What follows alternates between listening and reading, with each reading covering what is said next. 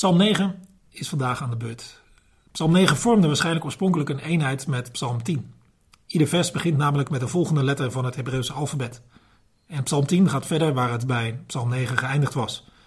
Psalm 10 heeft verder ook geen titel of iets dergelijks. En inhoudelijk gaat het over dezelfde dingen. En toch is te begrijpen dat het in twee delen uit elkaar is gevallen. In Psalm 10 ligt de nadruk op het kwaad, dat zo vaak lijkt te winnen, terwijl Psalm 9 de nadruk legt op God die alles zal rechtzetten.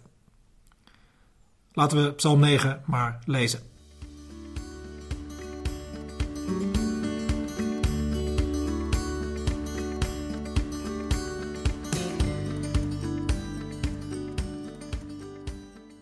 Hij staat op naam van David en laten we ervan uitgaan dat hij hem ook geschreven heeft. Ook al is de psalm wat aan de lange kant, wil ik hem toch in zijn geheel lezen. En zoals in zoveel psalmen gaat het in deze psalm ook heen en weer wat betreft toon en ook wat betreft de blikrichting. Vaak moet je een psalm dan ook meerdere keren lezen voordat je hem kunt pakken. Maar goed, we zullen het vandaag bij één keer lezen houden. Ik wil u loven, Heer, met heel mijn hart. Vertellen van uw wonderdaden. Ik wil vrolijk zijn, u toejuichen, uw naam bezingen, Allerhoogste. Nu mijn vijanden terugdeinzen, ten val komen en onder uw blik vergaan. Want u hebt mijn rechten verdedigd. U nam plaats op uw zetel, rechtvaardige rechter. U hebt volken bedreigd, goddelozen omgebracht, hun namen uitgewist voor eeuwig. De vijanden zijn verslagen, uit de herinnering verdwenen. U vaagde hun steden weg, ruïnes voor altijd. Zo vergaat het hun. Maar de Heer zetelt voor eeuwig. Zijn rechterstoel staat onwrikbaar vast. Hij bestuurt de wereld naar recht en wet. Alle volken berecht hij eerlijk. Mogen de Heer een burcht zijn voor de verdrukte, een burcht in tijden van nood. Wie uw naam kent, kan op u vertrouwen. U verlaat niet wie u zoeken, Heer. Zing voor de Heer die zetelt op de Sion. Maak aan de volken zijn daden bekend. Hij wreekt vergoten bloed, gedenkt de doden. De noodkreet van de nederige vergeet hij niet. Heb erbarmen, Heer, zie hoe mijn haters mij kwellen. Draag mij weg van de poorten van de dood. Dan kan ik vertellen van uw roemrijke daden. Juichen in de poorten van Sion. U hebt mij gered. De volken verdwijnen in de kuil die zij groeven. Hun voet raakt verstrikt in het net dat zij heimelijk spanden. De Heer maakt zich bekend en doet recht. Door zijn hand komt de goddeloze ten val. Laten de goddelozen weggaan naar het dodenrijk, alle volken die God zijn vergeten. Maar God vergeet de armen niet. Voor de zwakken is niet alle hoop verloren. Sta op, Heer, laat de macht niet aan mensen. Mogen de volken berecht worden in uw aanwezigheid. Jaag ze angst aan, Heer. Ze moeten weten dat ze mensen zijn. Het wisselt ook in deze psalm nogal eens van toonsoort. Het begint in de hoogte. Ik wil u loven, Heer, met heel mijn hart. Dat is de insteek waarmee David bij God komt. En hij heeft er reden toe, want hij had last van tegenstanders, vijanden. Maar God is voor hem opgekomen. Hij heeft hem recht gedaan en de vijanden verslagen. We weten niet wat er precies gebeurd was, maar in ieder geval lijkt het allemaal goed afgelopen te zijn. Dankzij God, de eerlijke, betrouwbare en rechtvaardige God. En vandaar die blije insteek. Ik wil vrolijk zijn, u toejuichen, uw naam bezingen, Allerhoogste. Maar David houdt deze toonsoort niet de hele tijd vast. In 14 en 15 is de toon namelijk heel anders. Dan zit David opeens diep en wordt er om hulp gesmeekt. Draag mij weg van de poorten van de dood. Blijkbaar is de nood voor David nog niet voorbij. Blijkbaar zijn er nog steeds mensen die hem haten en het op hem voorzien hebben. En David ziet uit naar verlossing van die haters, zodat hij God weer kan eren. Blijkbaar mogen je gebeden wisselen van toonsoort. Mag het zelfs binnen één en hetzelfde gebed wisselen van toon. De dingen waar je vrolijk van wordt, mag je bij God brengen. Maar ook de dingen waar je als een berg tegenop ziet. Als je up bent of juist down, je kunt er bij God mee aankomen. En ik denk dat deze psalmen ons leren om met alles naar God te gaan. Hoe je je ook voelt, waar je ook mee zit, in vrolijke buien met dankbare stemmingen, maar ook in de moeilijke momenten. Ik heb meerdere malen gehoord van mensen die zeiden: Ja, ik kom weer naar de kerk als ik me goed voel. Alsof God en kerk iets is voor mensen die het allemaal een beetje op een rijtje hebben. Ik weet niet precies waar dat idee vandaan komt, maar in ieder geval niet vanuit de psalmen. Die moedigen juist aan, hoe je je ook voelt. Ga in ieder geval naar God. Niet alleen wisselt deze psalm van toonsoort. Deze psalm wisselt ook steeds weer van blikrichting. Soms is David heel persoonlijk. Dan is de blik gericht op hemzelf. Of op zijn eigen nood of op zijn eigen voornemen om God te loven. Op andere momenten gaat de blik naar anderen. Dan heeft David oog voor anderen. In vers 10 en 11 bijvoorbeeld wenst David dat iedereen die in nood zit, iedereen die verdrukt wordt, de bescherming van God zal ervaren.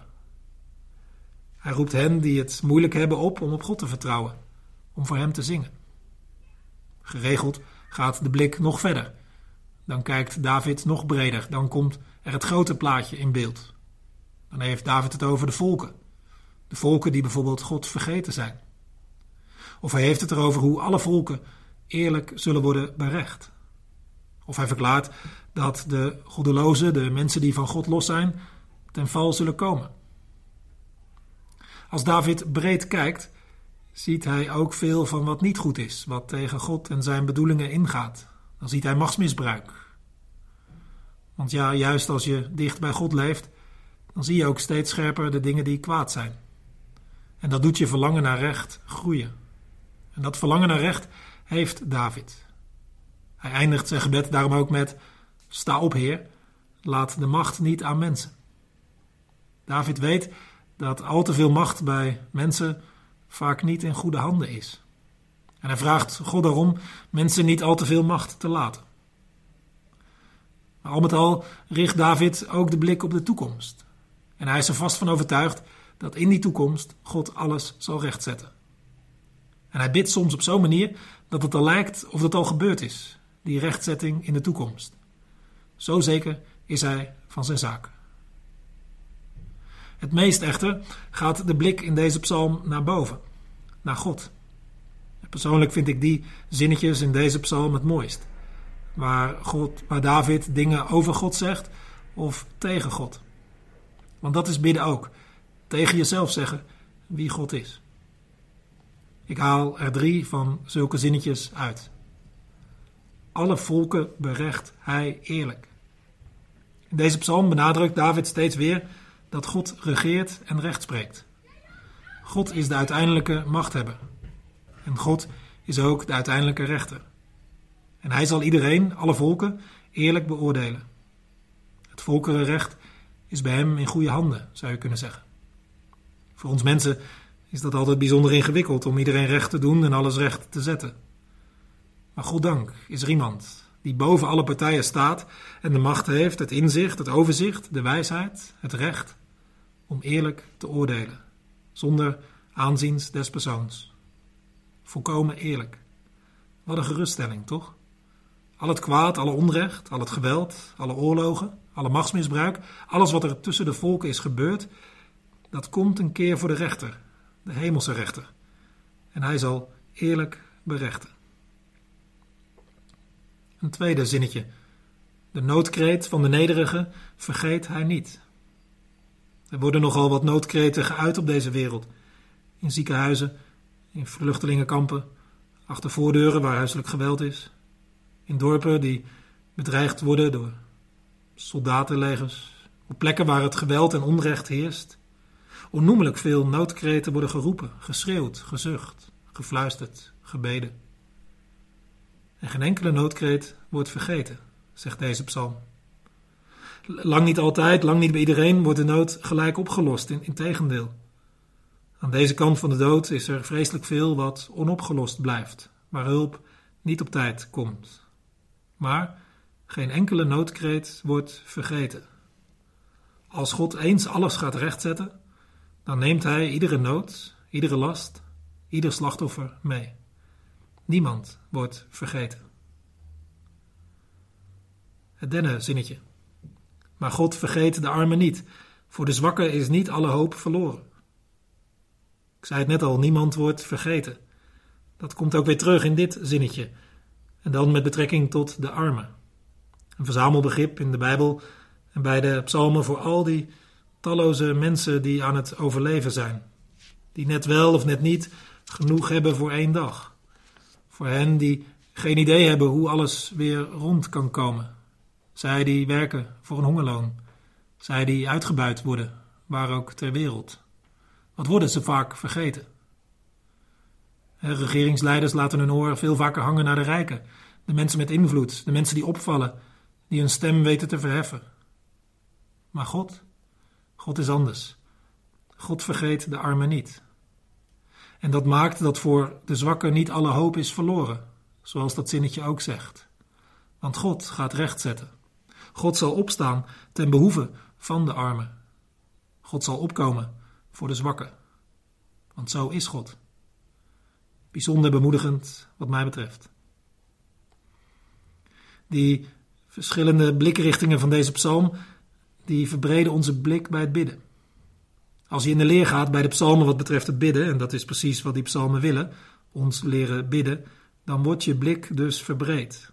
Je bidt niet alleen voor jezelf, ook niet alleen voor je eigen kringetje, het gaat breder. De mensen in nood komen in je blikveld. De wereld ook, en alles wat daar krom is ook. Je gaat bidden om recht.